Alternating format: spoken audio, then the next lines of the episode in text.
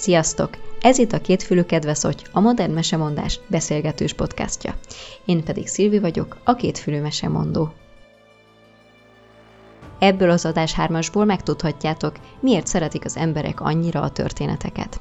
Avagy kockább hallgatóim kedvéért, íme a mesemondás hatásmechanizmusa.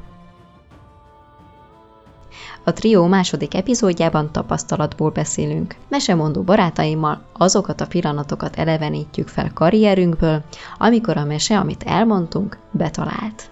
A mikrofon túlsó végein ülő két barátommal már találkoztatok, nem mások ők, mint Zalka Csenge Virág. Lovranics Júlia Villő. És szeretettel köszöntjük a hallgatókat. Sziasztok! Én pedig még mindig Szilvi vagyok, a kétfülű mesemondó.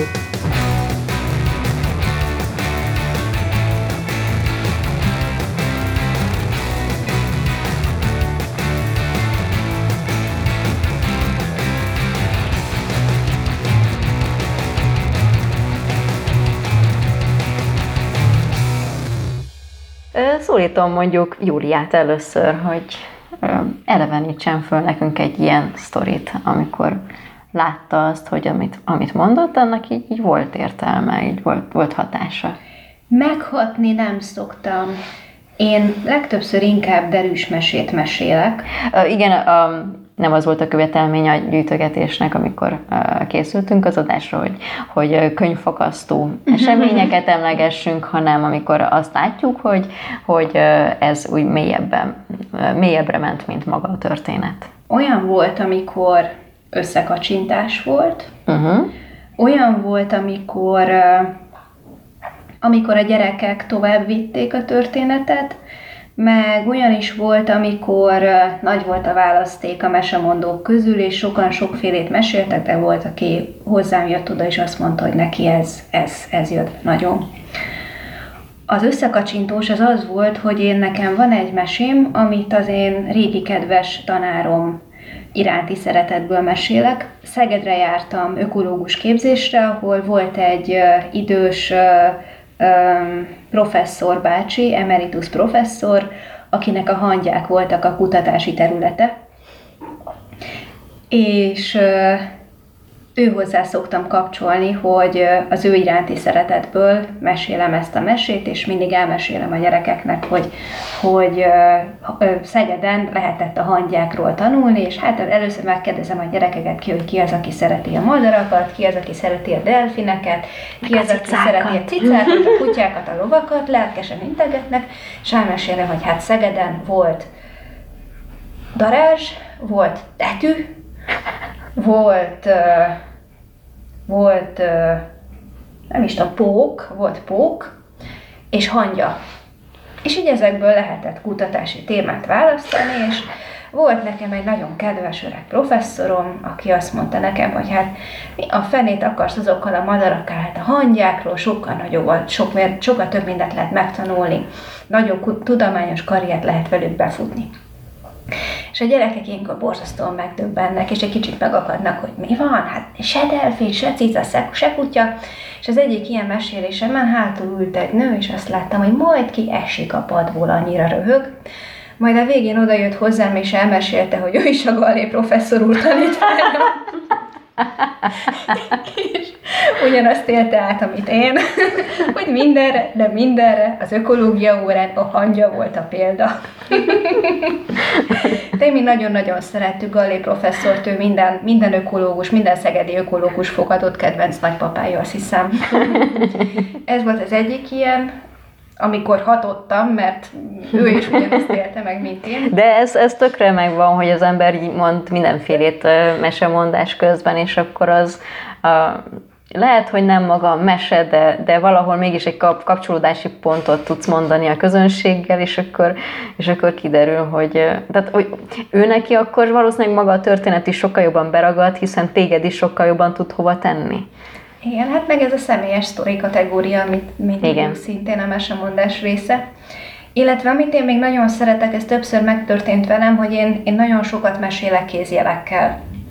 És pont ebben az említett gyakorlóiskolában történt meg először velem, hogy a művészeti tagozatos negyedikesek már úgy mentek ki a teremből, hogy nem csak csinálták a kézjeleimet, hanem újakat találtak ki. És jöttek oda hozzám, és mutatta, hogy hát ez egy sáska, és mutatott valami jelet, ami akkor jött a kezére. Hát ezt is nagyon szeretem, mert Hát ugye azt is emlegettem a múltkor, hogy a mesével egy kicsit a gyerekek képzeletét edzük, amit a televízió nem tesz, mert készen kapják a képet. Én meg ráadásul ezekkel a kézjelekkel egy kicsit újra tanítom őket játszani. Nem csak a mobiltelefon van, hanem ott a saját kezük, és én kicsiként is két nyuszival játszottam még a WC-n is. Unatkoztam Itt nagyon. a hallgatóknak kommentálnám, hogy Júlia most nyuszit mutat a két, két kezével, a... úgyhogy most éppen két nyuszi is jelen van a felvétel Hogyha közben. a mutató ujjadat meg a középső... De, de e- azt az ujjadat nem lehet úgy mozgatni, nem, nem. Tehát, hogy...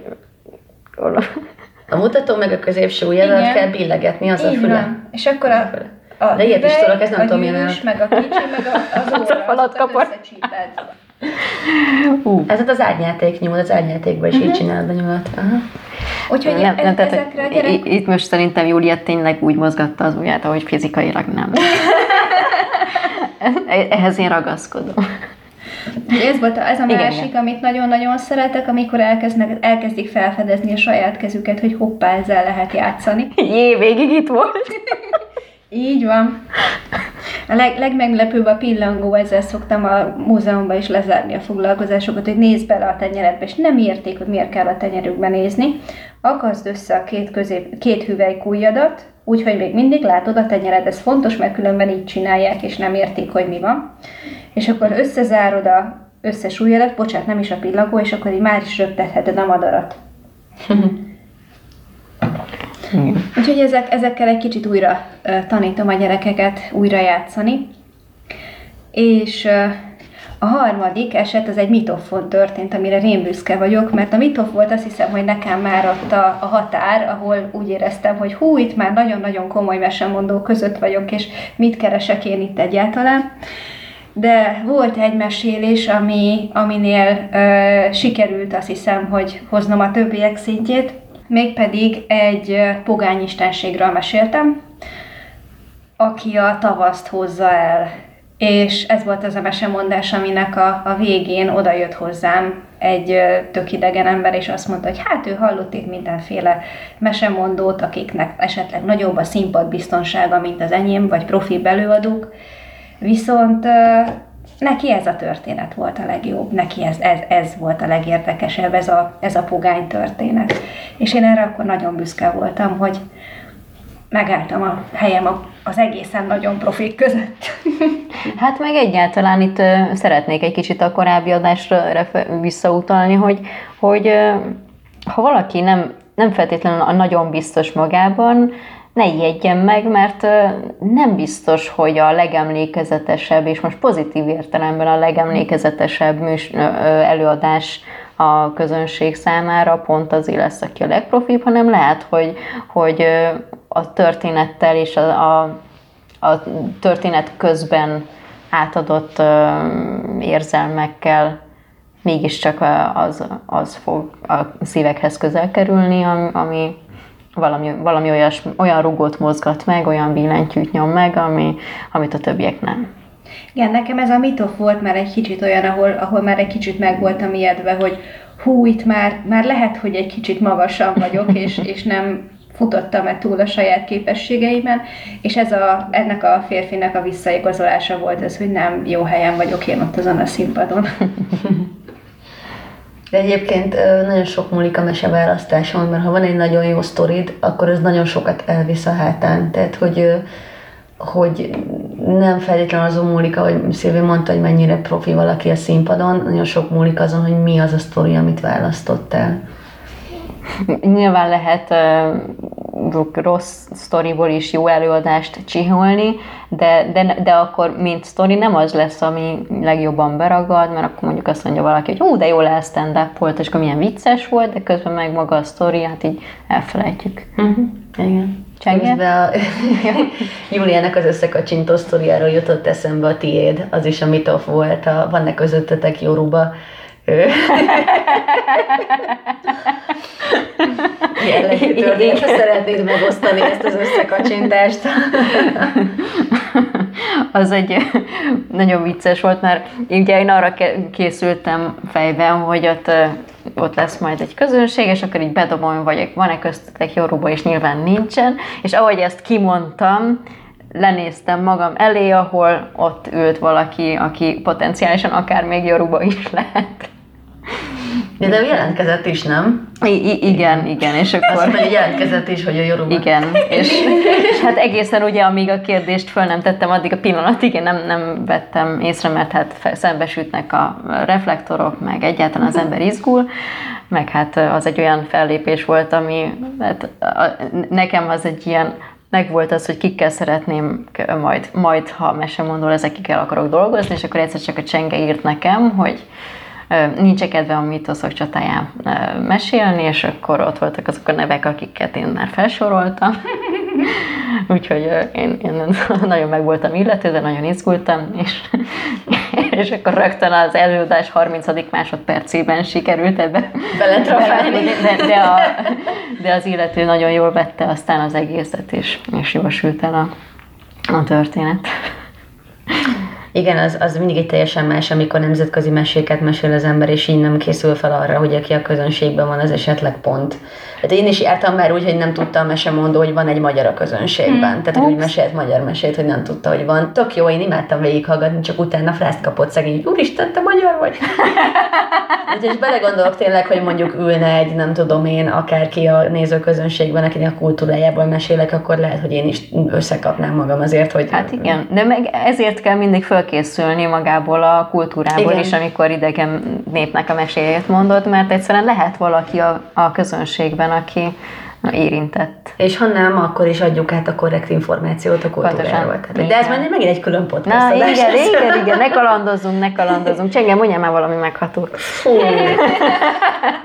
Nekem nagyon sok. Az az igazság, hogy amióta a világszépnél dolgozom, Ugye a Világszép Alapítványnál, mivel gyerekvédelem, a gyerekvédelemmel dolgozunk szoros kapcsolatban, ott nincs olyan, hogy kipipáltál valamit. Tehát nincs olyan, hogy ezt a gyereket most megmentettük, vagy ő most akkor jól van, csak következő gyerek. Tehát, hogy nincs ilyen, Nem. és ezért van egy ilyen hagyományunk a Világszépnél, hogy mi pillanatokat gyűjtögetünk.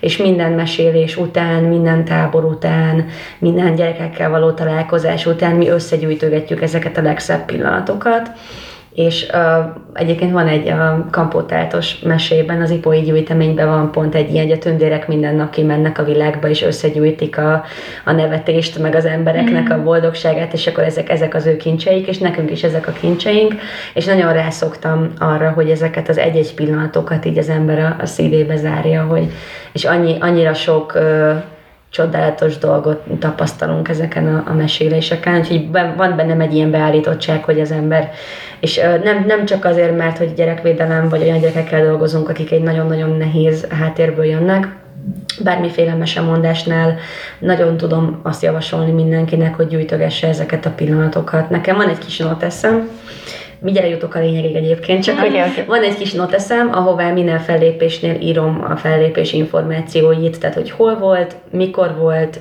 mit meséltem, ki volt a közönség, ki volt a szervező, mennyit fizettek, és egyébként a, a fennmaradó helyre pedig a noteszben felírogatom a kedvenc pillanataimat abból az előadásból, mert egy csomó olyan dolog kavarog az ember fejében néhány év után, nem ez a hol is történt, meg mi, mi is volt, mert annyira jó volt, de nem emlékszem mi volt, és akkor én blogolni is szoktam róla, meg fel is írogatom ezeket a, a nagy kedvenc pillanatokat. Az egyik leges legkorábbi, az volt, amikor még nagyon kezdőként jártam mindenféle iskolákba mesélni, és kisiskolások voltak talán elsősök, egy elsős osztályban meséltem Ananszit, Anansi elhozzáséket, Anansi és a mesedoboz, ez klasszikusan hálás történet.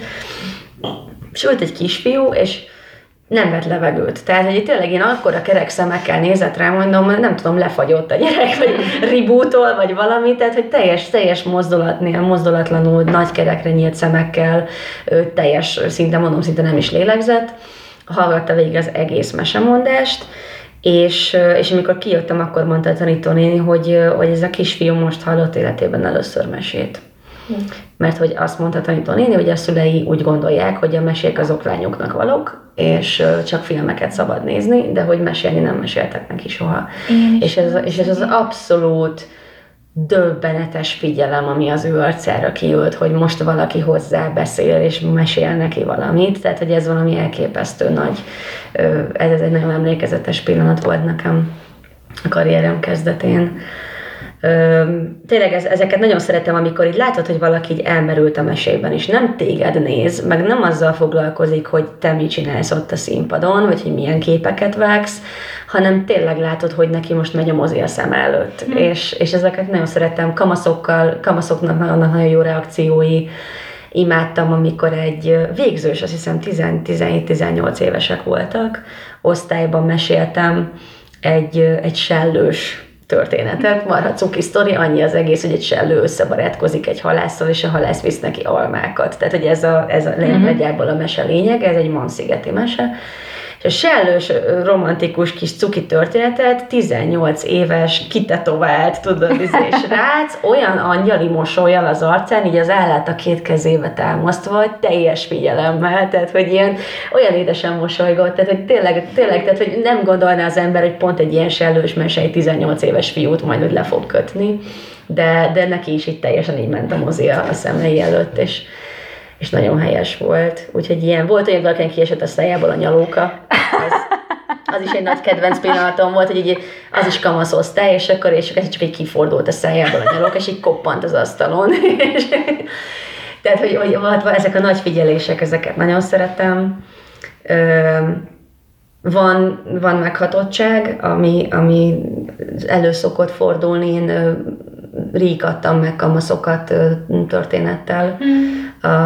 Aminek a, a kamaszos könyvembe be is került a Fion McCool és Fion McCool ifjúsága és Osin születése, ami a nagy Kelt a legenda körnek az egyik nagyon-nagyon szép, szomorú szerelmes sztoria. És, és az a pillanat, amikor Fion elveszíti a feleségét, elrabolják tőle a feleségét, egy gonosz elrabolja, és nem találják sehol, és éveken keresztül keresi, és aztán talál az erdőben egy kisfiút, aki öt éves forma, és hát úgy néz ki, mint az ő elveszett kedvese, és akkor a kisfiú elmeséli, hogy, egy, hogy őt egy őz, egy elvarázsolt őz nevelte föl az erdőben, mm. és, és vigyázott rá, és, és akkor fion rájön, hogy megtalálta a saját fiát, és ez egy ilyen...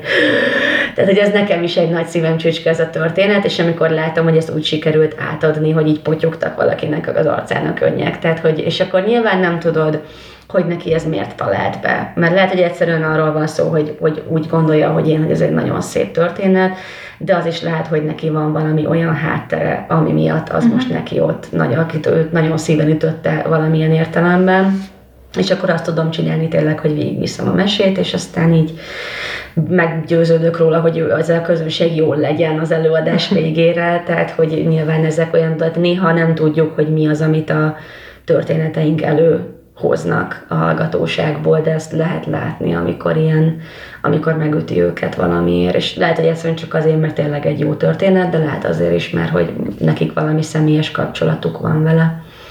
Úgyhogy voltak ilyen megható pillanatok, Ö, nagyon szeretem azt, amikor, amikor lelkesednek, lehet, hogy amikor tényleg ilyen, amikor hogy, hogy megszületik az a fajta ilyen oda-vissza dobálózás, mondjuk egy az ötödik, hatodikas korosztály szokott az lenni, akik ilyen nagyon hangosan tudnak örülni mindennek. És akkor most pont volt egy fellépésem nemrég,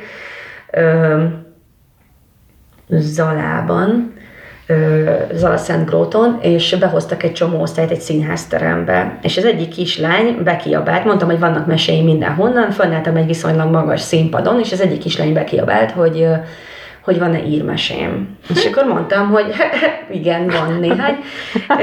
és elkezdett, elkezdett kántálni a kis csaj, hogy Írország, Írország, és akkor az egész, nem tudom, 150 nem voltak benne, és akkor mind a 150 gyerek elkezdte, hogy Írország, Írország, és akkor meséltem írmesét, és akkor befejeztem az írmesét, és akkor elkezdték, hogy Oroszország, Oroszország. és akkor meséltem egy orosz mesét, és akkor befejezem, hogy Kína, Kína, Kína. és így tökre nem így terveztem az előadást, de annyira de tetszett nekik, volt. igen, annyira tetszett nekik, hogy ők kérhetnek bárhonnan, hogy nagyon lelkesen így elkezdték mondani, hogy ők onnan szeretnének mesét, és akkor én meg, én meg tudtam nekik onnan mondani, és ez egy nagyon-nagyon jó hangulatú előadás volt. Tehát, hogy tényleg az, hogy ők ilyen lelkesek, hangosak, beleszólnak a mesébe, egy csomószor kitalálják, hogy mi fog történni, tehát hogy, hogy nagyon-nagyon szeretem azokat az előadásokat, ahol létrejön ez a nagy nevetések, nagy újongások, imádják mondjuk nem tudom, törpeszarvast, és akkor utána volt olyan osztály, aki nyomtatott ilyen törpeszarvasos posztereket, tehát, tehát hogy amikor látszik, hogy élvezik azt, igen, ami történik. Igen. Úgyhogy, úgyhogy ezek, ezek nagyon-nagyon jó pillanatok, és ezeket érdemes gyűjtögetni, hogy amikor az ember éppen úgy gondolja, hogy fú, hát ez most tök pocsékos sikerült, legyen mihez, legyen mihez visszanéz, visszanyúlni, visszanézni, igen, hogy, hogy mi az, amiért megérdemes ezt csinálni. Majd ez is egy podcast adás lesz a dicsőséges bukásaink. Igen, mi, mi van az, amikor nem működik a mesélés? Hát van, van, előfordul, igen. Szilvi? Nekem is van, van azért egy pár ilyen. A, a, nem tudom melyiketek mondta azt, hogy amikor valakinek nagyon látszik, hogy hogy ő most a mesében él. Én ezt ilyen nagymamáknál szoktam látni, hogy én mesélek a gyerekeknek, és a gyerekek úgy tök jól el vannak, és háttérben látom, hogy mamát megkérdeznéd, hogy hol ül, fogalma Legjobb esetben azt mondaná, hogy a hetet hét országon túl ott, ahol éppen a mese tart. És ezeket én nagyon szeretem, mert ugye felnőtteknek aztán pláne ritkán mesélnek, és hogyha sikerül úgy, úgy mesélnem, hogy látom magam előtt a gyerekeket, hogy ők is élvezik, és közben kikapcsoltam egy kicsit anyut és aput meg nagymamát, a nagypapát a, a hétköznapok szürkességéből, akkor, akkor ez tényleg siker, és, és ennek úgy lehet örülni, hogy, hogy őszintén, mert nem, uh-huh. nem csak azért siker, hogy fú, most akkor ezt nem tudom, kiposztolom Instára, mert nem, uh-huh. hanem, hanem, hogy ez tényleg jó, ez, ezért csinálja az ember.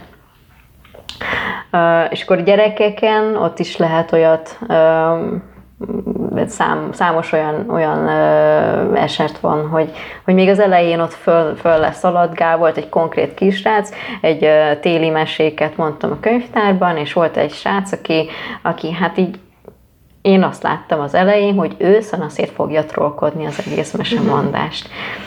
És aztán a mesek közepén elérkeztünk egy ilyen víz alatti kastélyhoz, ami elmondtam, hogy így csodálatos, meg úgy csodálatos, kisrácról azt láttam, hogy ül a szivacskocka tetején, ilyen nagy szivacskocka, és így ül, és tátott szájjal konkrétan így néz a szemembe. Mondtam, úristen, nem tudom, mit csinálok, de azt folytassa. Mert, mert tényleg ő az, aki, aki úgy indult, hogy föl rohangál mindenkinek a, nem tudom, még lenyomott egy tastit a hát kobakjára. Tehát, hogy, hogy, hogy ez az igazi rossz csont, aki, akiről nem hiszed el, hogy le fog ülni. És leült. És, és ott, ott élt a mesében, és örült neki. Úgyhogy ezt, ezt nekem nagyon mélyen belém vésődött, hogy na ezért kell csinálni. Uh, és a, a, a mese tovább élésében uh, Júliához tudok kapcsolódni. A vizes mese esten történt az, hogy hát én ott egy egy plusz félmesét mondtam. A félmesém az nem is mese volt, csak adtam neki egy ilyen mesés keretet, mert előtte nekem becsípődött egy olyan kérdés, hogy ezt, ha valaki ismer, akkor tudja, hogy kellően hülye vagyok hozzá, hogy ilyenek így, így előkerülnek. Az volt a kérdés, hogy ha fogunk egy ilyen vízgömböcskét, és kirakjuk a világűrbe, mi történik? és akkor hát ennek adtam egy ilyen tündéres kerettörténetet, hogy, hogy valami kis héjba így fölküldünk egy maroknyi vizet a, a világűrbe, és csettintésre megszüntetjük a héjat kérdés, hogy mi fog történni. Nem tudom én sem. És akkor ott filóztunk a közönséggel, hogy akkor most így mi lehet. Én mindenre tudtam pro és kontra érveket mondani, lehet ezen gondolkozni, és néhány nappal az előadás után az egyik uh, srác, akivel aztán még a szünetben beszélgettünk is erről, hogy mi lehet a helyes megfejtés vajon, uh, küldött a Facebook eseménybe egy posztot, egy cikket talált ebben a témában, ami hát nem pont ugyanez a helyzet, de, de egy nagyon hasonló hely, szituációban nézi meg, hogy fizikailag most akkor mi történik itt a dolgokkal. Hm. És ez tök jó volt, hogy, hogy valahogy úgy sikerült megfogni, és még, még úgy, úgy pörgött, pörgött, pörgött, és annyira pörgött rajta, hogy még, még utána is kellett járnia akkor, amikor már nem is számítottam rá, hogy lesz élete. Hogy ez, ez Aki nekem... nem hiszi, járjon utána. Aki nem hiszi, járja utána. Egyébként a Júliához akartam is ezt mondani, te tulajdonképpen te tanítasz is a meséiddel, tehát hogy neked az is hatás, hogyha tanulnak belőle de az állatokról, meg a növényekről, meg a természetről. Igen, de azt ők nem feltétlenül veszik észre. Olyankor inkább a szülőnek a szeme csillog, mert a szülőnek összehet, hogy most én miért, vagy a óvónéninek, amikor eljutunk oda, hogy a tengelit színeit, milyen madarak adták, és ja, hát a gyerekeknek eszébe jut, hogy melyik madár milyen színű. Uh-huh. Igen, de úgy értem, hogy, tehát, hogy ez, ez olyan hatás, ami mondjuk ott helyben nem biztos, Igen. hogy érződik, de mondjuk, hogyha megtanulják a gyerekek, hogy nem tudom, most ez, nem is tudom, kivel beszélgettünk erről, hogy a, ne gyújtsad fel a zavar kupacot, mert benne lehet a süni, és utána mondja a gyerek otthon, hogy de ne gyújtsátok fel a zavart, mert benne lehet a süni, akkor már volt egy konkrét hatása annak, hogy ő megtanult valamit valahonnan. Igen, amikor ez inkább múzeumpedagógiai foglalkozáson szokott így előkerülni, amikor mondjuk tanítónéni kiszalad valamiért, menet közben jön be, és már a gyerekek tudnak valamit addigra, mire ő érkezik, és, uh-huh. és félig próbál visszakapcsolódni, és akkor már nem én mondom el, hanem a gyereket kell mondatom el, hogy na miért is nem szabad összeszedni a fekete rigó fiókát, na majd a mit tudom én, uh, Anikó elmondja a tanítónénének. Uh-huh. Igen. Igen. Még egy jutott eszembe, hogy a gyerekek mennyire beleélik magukat a főleg ugye minél kisebb van, annál inkább beleéli magát, még ugye nem, nem teljesen válik le a valóságtól a mesevilág. Volt egyszer egy kislány, akinek nagyon-nagyon nagy igazságérzete volt, egy kiskakas gyémánt félkrajcáját meséltem, és hát ugye viszonylag a sztori elején jön a, a török pasa, és akkor hát szemet vet a gyémánt félkrajcárra, és mondom, hogy na hát, azt kinézte magának, ahogy kinézte, már el is kapta azt a félkrajcárt, jaj, berakta a saját zsebébe, ebben a pillanatban a kislány föláll, azt nem szabad elvenni, hogy a másét, hogy ha csak meg, meg se kérdezte. És az ilyenek tudnak egyrészt iszonyú cuki, másrészt pedig emlékeztet arra, hogy, hogy úgy mesél, hogy ő, ő tényleg ott van. Nekem is volt egy ilyen sztoria, beszélgettünk valamelyik előző adásban a, a szak, szakmunkás képzős osztályokról. Az iskola, ahol szoktam gyakorolni, ez egy vendéglátóipari szakközép, és ott meséltem, és van ez a, amikor a királylány tésztából meggyúrja magának a tökéletes királyfit, remek olasz mese, és akkor beteszi a sütőbe, majd elmegy a palota másik szárnyába szólnia az apjának, hogy ő megsütötte a tökéletes királyfit, és egy nagy laklistác így a hátsó sorban oda fog égni. Persze nyilván az a sztori, hogy mire visszaér a királylány a király, addigra is száll ki a füst a, a kemencéből, és hát nyilván odaégett a királyfi, és akkor a srác hátulról megmondtam, hogy oda fog égni. és utána van, hogy ott van a király, és mindig nyitogatja az ajtaját, hogy benézzen, hogy na, akkor már megsülte a király, össze fog esni. Megmondtam, hogy össze fog esni. Ja, mert cukrászok voltak rá, Cukrászok, meg igen, mindenféle vendéglátóipari, igen, szakács, meg ilyenek, úgyhogy, úgyhogy nagyon-nagyon betalált ez a sztori, és akkor tényleg jöttek ezek a kommentek hátulról. Megmondtam, hogy oda fog élni. De ezek tök jók, és pont ez, ezért jó a mesemondás, mert ezek megengedettek. Ezek... Igen, és ezek annyira jó pillanatok tudnak lenni. Igen. Meg a... meg amikor tényleg így szintén most volt egy olyan, meséltem a van egy új sztorim, amit most járatok be, és nagyon közel áll a szívemhez, de már elég sokat gyúrtam rajta a népmesei eredetihez képest, de az a sztori, hogy egy fiú más, mint a többiek, és kimegy az erdőbe, és azon töpreng, hogy én most vajon bölcs vagyok, vagy bolond vagyok. Mert hogy nem vagyok olyan, mint a többiek, azt tudom, de akkor ez, én most ettől bölcs vagyok, vagy bolond. És akkor arra járnak mindenféle állatok, mindenki megkérdezi, hogy mind gondolkodik, és aztán mindenki közli vele, hogy bolond, különböző okokból, mert ez a Van munkád? Nincs, akkor bolond vagy. Ez Ha, sapka van, nincs. kajád, van, van kajád, van otthonod? Hát az van. Akkor már mit gondolkodsz? Akkor bolond vagy. Tehát, hogy egy csomó ilyen, ami tényleg visszajön emberektől a való életben. Tehát, hogy nagyon érdekes, hogy egy népmesében ezek így megjelennek, hogy hogy és akkor a többiek nem játszanak veled? Nem. Hát akkor benned van a hiba. Tehát, hogy és akkor jönnek ilyen rossz visszajelzések, és akkor jön a nyúl, és akkor a nyúl megkérdezi, mint töprengsz, és mondja, hogy hát én nem tudom, hogy bölcs vagyok, vagy bolond vagyok. És akkor nyúl azt mondja, hogy jó, hát akkor leülök melléd, megvárom, míg kisírod magad, aztán gyere el hozzám vacsorázni. És akkor megszólalt a gyerek, hogy jaj, de kedves. Tehát ugye amikor érzed, hogy átment a lényeg a sztoriból, hogy, hogy a nyúl az, aki kedves, tehát egy nyúl az, aki jól reagálja le ezt a helyzetet, amikor valaki más össze van esve. Úgyhogy ez is ilyen tök nagy sikerélmény volt, hogy yes! Megvan. Akkor megvan a lényeg a sztoriból, tehát ez is ilyen tök, én nagyon őszinte reakcióik vannak még egy bizonyos korban, hogy Igen. fú, de gonosz vagy, hogy fú, de kedves, és igen, ez nagyon átérződik. a gyerekek megkérdezték, mondtam, hogy jött, jött a gonosz boszorkány, miért volt gonosz? Azért, mert de facto bonosz. Vagy gonosz. Gonosz. Most Hát, mondtam, hogy gonosz volt. hát és akkor elfilozofáltunk, hogy vajon mi történt vele, ami gonoszszá tette. Igen, igen, és így bizonyos korban még nagyon kell nekik, mm. hogy, hogy éles határok legyenek, és így bizonyos kor után meg, mert te el lehet azzal játszani, mm. hogy de akkor, de akkor most tulajdonképpen ki csinál rosszat, és miért csinál rosszat. Egyébként azóta annyit fejlesztettem, hogy ha, ha bármilyen mesében előkerül nekem egy csúnya ember, hogy a mesében sokszor az összekapcsolódik az, az hogy gonosz. gonosz. Igen. És akkor azt úgy szoktam mesélni, hogy tudod, miért lesz valaki csúnya? Ne irigy. És ezek a rácok, ezek beülnek az arcára, és akkor csúnya lesz.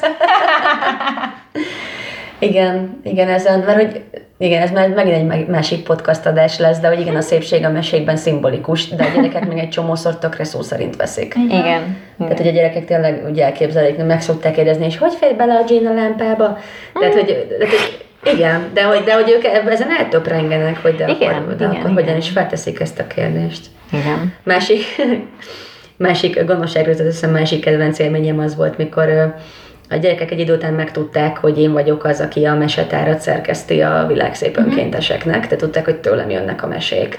És akkor kísértem valamelyik hospitáló mesemondónkat a gyerekekhez, és ő mesélt, nagyon remekül, meg tökre imádták, nagyon elveszték a mesét, de a végén az egyik kislány úgy érezte, hogy hát ez túl rövid volt. És akkor ezt szóvá is tette, hogy ez túl rövid volt. Majd oda jött hozzám, és így megfogta a két vállamat, és így a szemem közé nézett, és azt mondta, hogy ezt te írtad túl rövidre.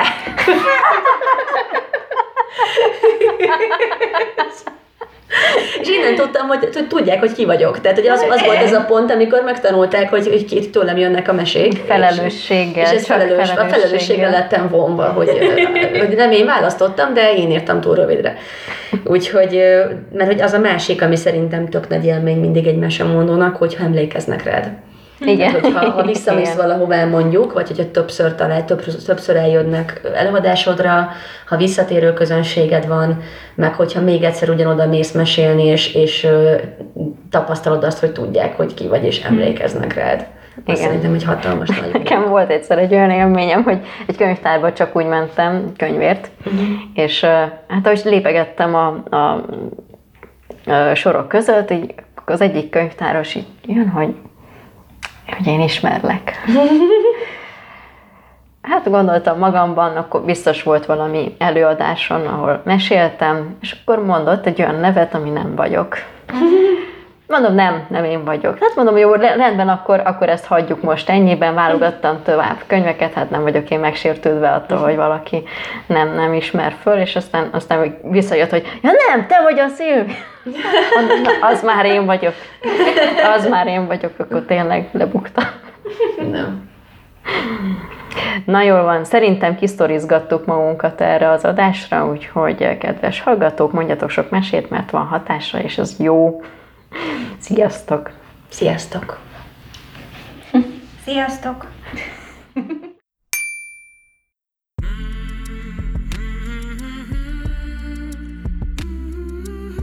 Kedves hallgató, köszönöm, hogy velünk tartottál.